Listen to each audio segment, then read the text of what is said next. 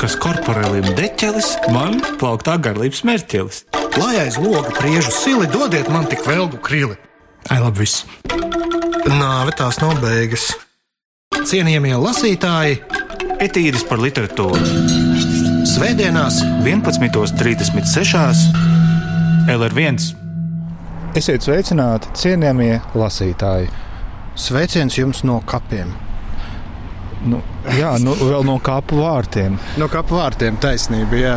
Ņemot vērā to, ka šis oktobris mūs ir pagodinājis ar tik ļoti skaistu laiku, sauli, zeltainām un arī bordo krāsas lapām. Bordo, es neredzu īsti nevienu bordo. Es redzu zelta okeru diezgan lielos daudzumos. Āgens kanālā laikam ir vairāk bordo. Jā. Um, jā, ņemot vērā, ka šis laiks ir tik ļoti silts un neraksturīgs mūsu parasti nemīlīgajiem meteoroloģiskiem apstākļiem, mēs nevarējām sev atļaut uzkavēties Latvijas rādio studijā. Un mēs izdomājām, ka tā vietā Raņa kapi būs šodien mūsu studija. Un ne bez iemesla. Turēt intrigu vairs nav vērts. Skaidrs, par ko mēs šodien runāsim raidījumā. Taisnība, jā. Kā jau iespējams dzirdējāt iepriekšējā raidījumā, kurā mēs viesojāmies Jāņa akurāta muzejā, kur mūs laipni uzņēma muzeja speciāliste Maira Valtere un arī ilgadējs muzeja radošo pasākumu līdzdalībnieks, režisors un scenogrāfs Viktors Jansons. Kā dzirdējāt tajā raidījumā, viena no tām grāmatām, kur izvēlējāmies apskatīt oktobra ciklā, ir Raņa dzējoļu krājums Klusā grāmata. Un tematiskāku vietu, laiku un apstākļus droši vien vispār nebija iespējams sameklēt un izdomāt, jo gan grāmatas tēma atceras par aizgājušajiem, gan sarunas domās un balsī ar aizgājušo gariem un klātbūtnes sajūtu un viss tas pārējais. Šajā klusajā veļu laikā kaut kā tas viss slēdzās kopā ļoti labi. Līdz ar to aicinām jūs iztēles ainās paviesoties kopā ar mums šeit, Rāņa kapos pie Kārļa zemdegas veidotā memoriāla un pārlaposim šo te krājumu kopīgi.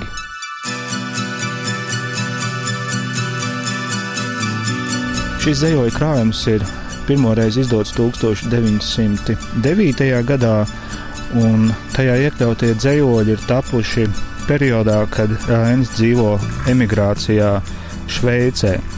Lielā mērā šo grāmatu caurstrāvo 1905. gada revolūcijas nestais nospiedums uz tikko noformēties sākušās latviskās inteliģences un arī politiskās sabiedrības prātiem. Un, uh, ar šo grāmatu vispār ir diezgan raips liktenis. Jo... Tā ir viena no tām grāmatām, kurām ir uh, bijis, kā to saka, sarežģīts ceļš laikam, vai ne, ar visādām grūtībām un šķēršļiem. Jā, jo būtībā vienā brīdī Rainis saprot, ka Latvijā neizdosies saņemt cenzūras atļauju. Līdz ar to grāmatu nolēma publicēt Pēterburgā, apgādā Imanta. Un tad, nu, jā, 1909. gada vasarā klusā grāmata tiek iespiesta, bet ļoti ātri seko Pēterburgas preses komitejas ziņojums un prokurora rīkojums, un šo izdevumu tipogrāfija apķīlā kas man šķiet ļoti saudabīgi, ka tā tirāža, ja es pareizi saprotu, viņa tika iznīcināta ar plēšanas metodi. es gribētu redzēt tos cilvēkus, kuri to plēšanu īstenoja. Tā tirāža bija diezgan liela droši vien. Es to revolūcijas garu tur sajūtu un revolūcijas sekas sajūtu nu, tādā ļoti nosacītā veidā, turklāt gandrīz pastarpināti. Varbūt tas ir tādēļ, ka viņš izmanto tādus piezemētākus tēlus, tikai par atam piesaucot varoņus, un pārsvarā tur drīzāk ir tāda atcerība par mirušiem, un man gandrīz vai liekas, ka tā ir tāda, nu, ja nebūtu revolūcijas, būtu cits iemesls atcerēties mirušos. Saprotiet, ja viņi, nu, man, man tiešām man šķiet, ka tā ir tāda nu, gandrīz vai mm, veļu laika elēģija, drīzāk nevis vēstures smagā lapuse. Varētu pieņemt, ka to, kādā tonalitātē ir veidoti šie dzējoļi, tur nozīme ir arī tam, kurā geogrāfiskajā punktā viņš tos ir radījis. Jo, manuprāt, tā atsvešinātības sajūta, jo pēc tik ļoti. Oh, Tie ir militārie spēki, es ceru, ka ne. Nu jā, jo pēc tik ļoti satricinošiem notikumiem ir eh, diezgan svētīgi atrasties nostāk no tās vietas, kur tie ir ņēmuši dalību, un ka tu vari sevišķi rakstnieku gadījumā ar distancētību un vienlaikus ļoti dziļi atceroties šo neseno pieredzi, par to reflektēt un viest šo domu. Man vispār gribās Rainu nosaukt par tādu ne tikai par dzinieku, bet par tādu domas viesēju.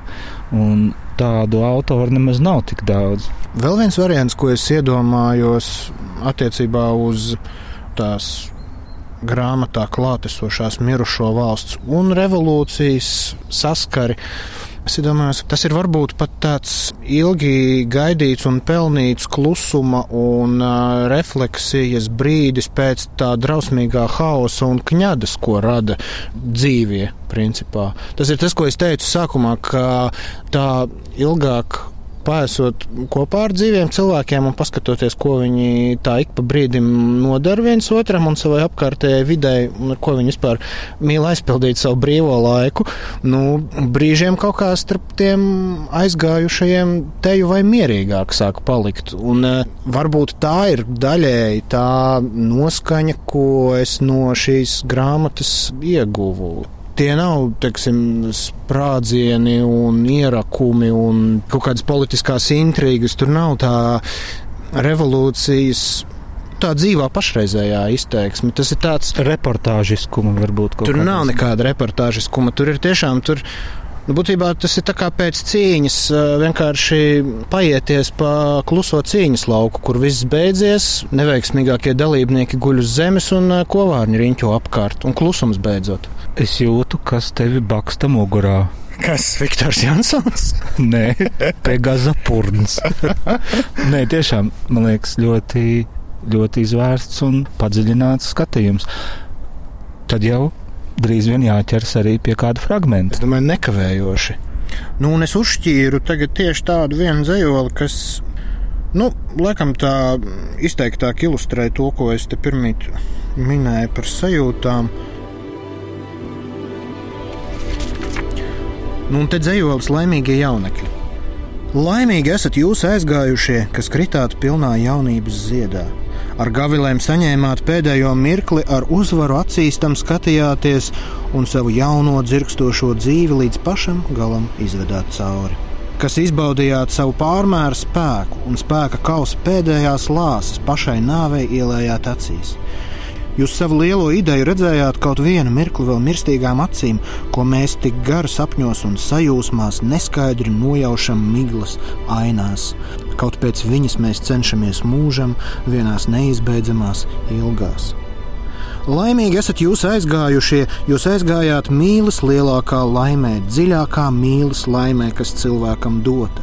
Laimīga mīla ir sievietes siltās rokās, un taču tā viļ un dzeļ, un kurš jau dziļāk un kaislīgāk mīl, un sevi un dzīvību atdot par mīlu, tas īsti jo dziļāk un kaislīgāk nicina sevi par savu mīlu bet laimīga, gaiša un neviltīga, visus vīra prātus aizraujoša ir gara mīla uz cilvēces laimi.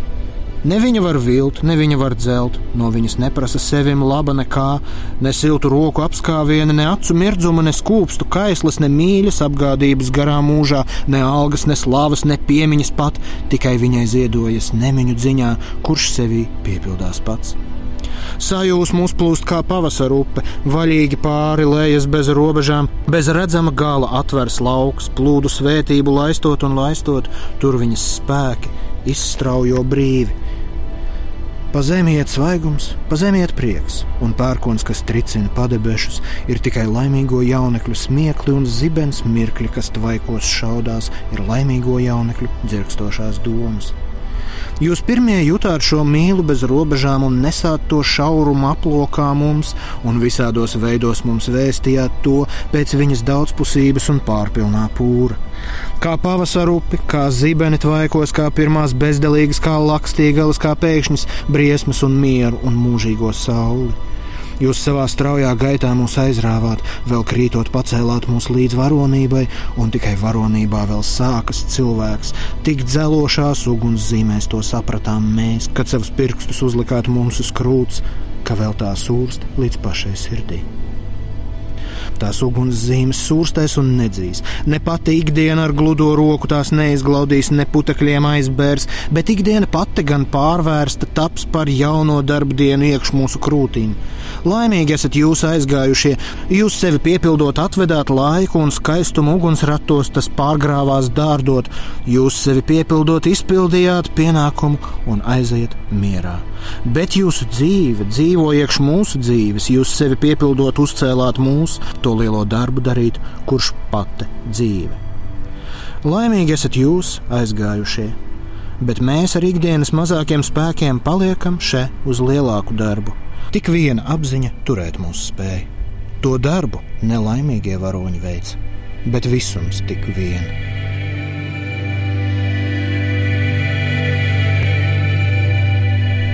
Kamēr tu lasīji šo dzīvoli, es skatījos tur tālumā pa Rāņa kapu aleju, un man iztēles ainā parādījās Rāņa tēls ar to hūti, varbūt tādu elegantu spieķīti, viņa mēteli, kaut kāda veida kakla apsegu, ko droši vien nevarētu nosaukt par šāli, jo tas būtu pārāk nekorekti. Par kravati. Kravati, iespējams, jā. Un, un man ienāca prātā, ja viņš parādītos šeit un izdzirdētu tavu lasījumu, tad pēc tam viņš varbūt nedaudz tā pieliektu galvu uz vienu sānu un teiktu, nu jā. nu jā. jo, nu, neko vairāk es nevaru iztēloties, ko viņš varētu par to bilst. Kaut kas tur, kaut kas tur uh, deg tādos ļoti spēcīgos uguņos, jā, tajā, tajā dzējolī. Viņš man likās tāds, nu, modernāks gandrīz, vai tāds tālāks no 19. gadsimta, nu, salīdzinot ar, piemēram, daudz ko citu, kas ir Rainim klusajā grāmatā. Interesanti, ka tu pieminēji to kvēlošanu. Viņa patiešām daudz viet parādās. Bet ir arī atsevišķas epizodes, jeb drīzāk krājums ir sadalīts vairākās nodaļās, un uh, kvēlojums ir klātesošs, bet viņš nav permanents vai visur esošs. Un diezgan lielu daļu no šīs grāmatas aizņem arī programmatiskas uzrunas, kurās liela nozīme ir darbam, cilvēkam, kaut kādā veidā gaišākai, spēcīgākai nākotnei. Un tad ir, piemēram, tas, ko tu nu pat nolasīji par laimīgiem jaunekļiem, ir tā kumulatīvā, kā tāds pavasara strauts, kurš brāžas pāri uh, ziemas salu nomāktajiem akmeņiem un arī virzās uz atjaunotni, bet tajā varbūt nav tik liela nozīme tiem uh, Kaut gan arī šeit bija pieminēts darbs, bet tā drīzāk ir tā idejas kā celsme. Ar mūsu domām mēs veicam kustību tālienē, jo stingrāka būs mūsu apziņa, jo tālāk un pārliecinošāk mēs tajā ietieksimies. Jā, bet tikai tur ir arī dubultdibens tai idejai, tāpēc ka šajā dzējolī, kurā visa šī celsmīgā uzruna par eh, nākotni un visu pārējo un cēlo un pašaizliedzīgo darbu nākotnes vārdā, viņš to saka mirušajiem, kuri jau ir aizgājuši un kuri nu, īsti nevarēs uh, vairs to fiziski veikt. Bet tas pat arī, nu, protams, ka tas ir kaut kāds vienkāršākā līmenī tas ir iespējams ziņojums mums palicējiem, bet man kaut kā īpaši skumji liekas tas, ka viņš tieši tiem aizgājušajiem jau par šito visu stāsta. Tas to padara spēcīgāku. Un uh, vispār, zini, šajā krājumā man kā katram normālam latviešu literātam ar Rainu ir sarežģītas attiecības.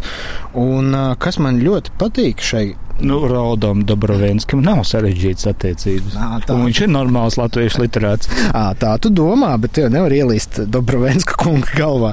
Nu, bet es arī ielīstu viņa grāmatā, toties, kas Nu, laikam jā. ir viens no izcilākajiem pētījumiem par Rāņa daļradi. Es domāju par Rāņu un viņa brāļiem. Un šim krājumam, piemēram, ir tieši tas, ko tu minēji, tās Raņa daļradas izpausmes, ar kurām es droši vien nekad īsti neiemācīšos sadzīvot. Tie ir tie viņa nu, plakātiskie tās uzrunas un, un, un mazliet arī tas morāliskais piesitiens tam visam klāt.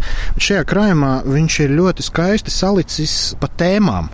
Un Piemēram, tie morāliskie dzējoļi, tie ir vairāk sadaļās satīras, piemēram, domu graudi ir mm, ielikti sadaļā epigrāmas, piemēram. Savukārt tā galvenā, manuprāt, daļa, tas klusums un tā aizgājēja atcer, tā ir atkal savās nodaļās, kas ir visu dvēseļu diena un ziemeļblāzma, un tad ir sadaļa uz darba dienu, kas eh, lūk, ir tāds uz nākotni vērsts un cerības sniedzošs bloks.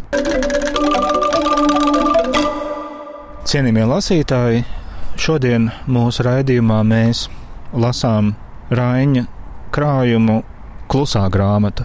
Tas, kas mani laikam visvairāk uzrunāja šajā gadījumā, bija Raņa spēja būt enigmātiskam un uzbūrt kaut kādu noslēpumu. Es nolasīšu dzējoli no krājuma sadaļas ar nosaukumu Saules krēsla, tas ir arī pirmais dzējolis, kas iesāk šo sadaļu.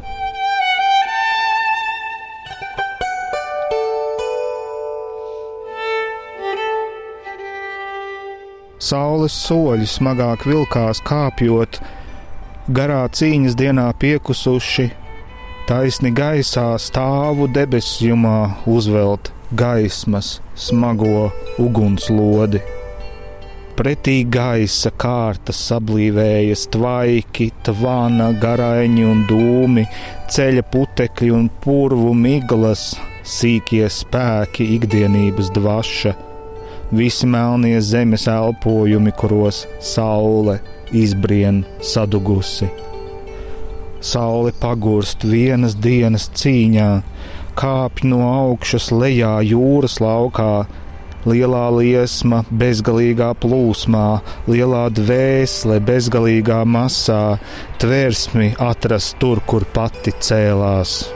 Bet no iztālēm jau seko miglas, sejas slēpjot pelēcīgās segās, lasās debeši un paliek laukā, tālē tumsa glūna ar melnām acīm. Saule grimstot laižas mēļa, miglā, līdzi sarkan satveicētai lodei, kurai dūmi apkārt savēlušies. Lodei pāri gareniski stiepjas maiņus, sarkanas un zilas švītras, vērsmē atsprāgušās mākoņu šķilas. Jau ir saule cauri izgrimusi, kaist uz jūras glāzes, kura atspīd spilgti dzeltena pelēka pret miglu. Bet aizvien jo biezāk migla biezē, līdz kā dzirnu akmens sauli saspiež plakaniski bezveidīgā klaipā un ar varu iedzen dimantu jūrā. Klusi šalko jūra, bālēdama, sīki drebuļi pār glāzi pārskrien, smalkas dimants kaidas vizuļojot, tāli apkārt izbirst tumšā klēpī. Augšā uzliesmo uz mirkli debesis.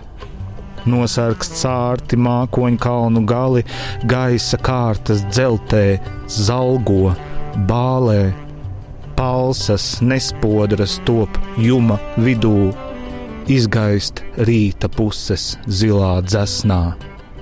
Skaistās ainas aizrauc mēmi skatās, ļaužu dzimums, krūtīs, rīta zvaigzne.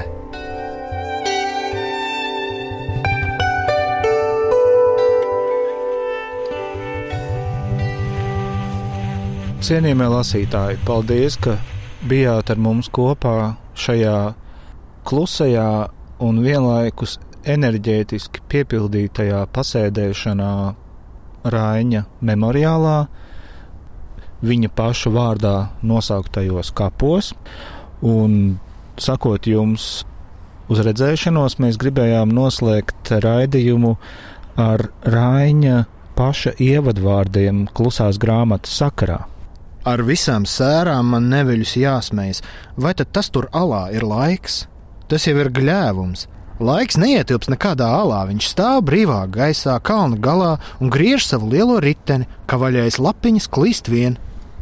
Vai nemanāt, ka ritenis pārvar nāves punktu, ka lēni pārvēršas ikdienu par svētdienu, lai klīst lapiņas vējā, lai cik maz jūs viņas uzlasāt, viņas ir zīmes no bijušās un nākamās svētdienas. Cienījamie lasītāji, mēs savukārt jums novēlam patīkamu esošo svētdienu. Un tiekamies jau nākamajā nedēļā. Un kā starp citu teica pats Rainis, saviņojums, kurš cilvēkam šķiet mazs, kukaiņiem samērā ir jau ļoti liels. Prom garlaicības krāsmatas, Prom garlaicības krāsmatas, prom garlaicības krāsmatas. Es, es gribu lasīt grāmatas, ja? Mm -hmm.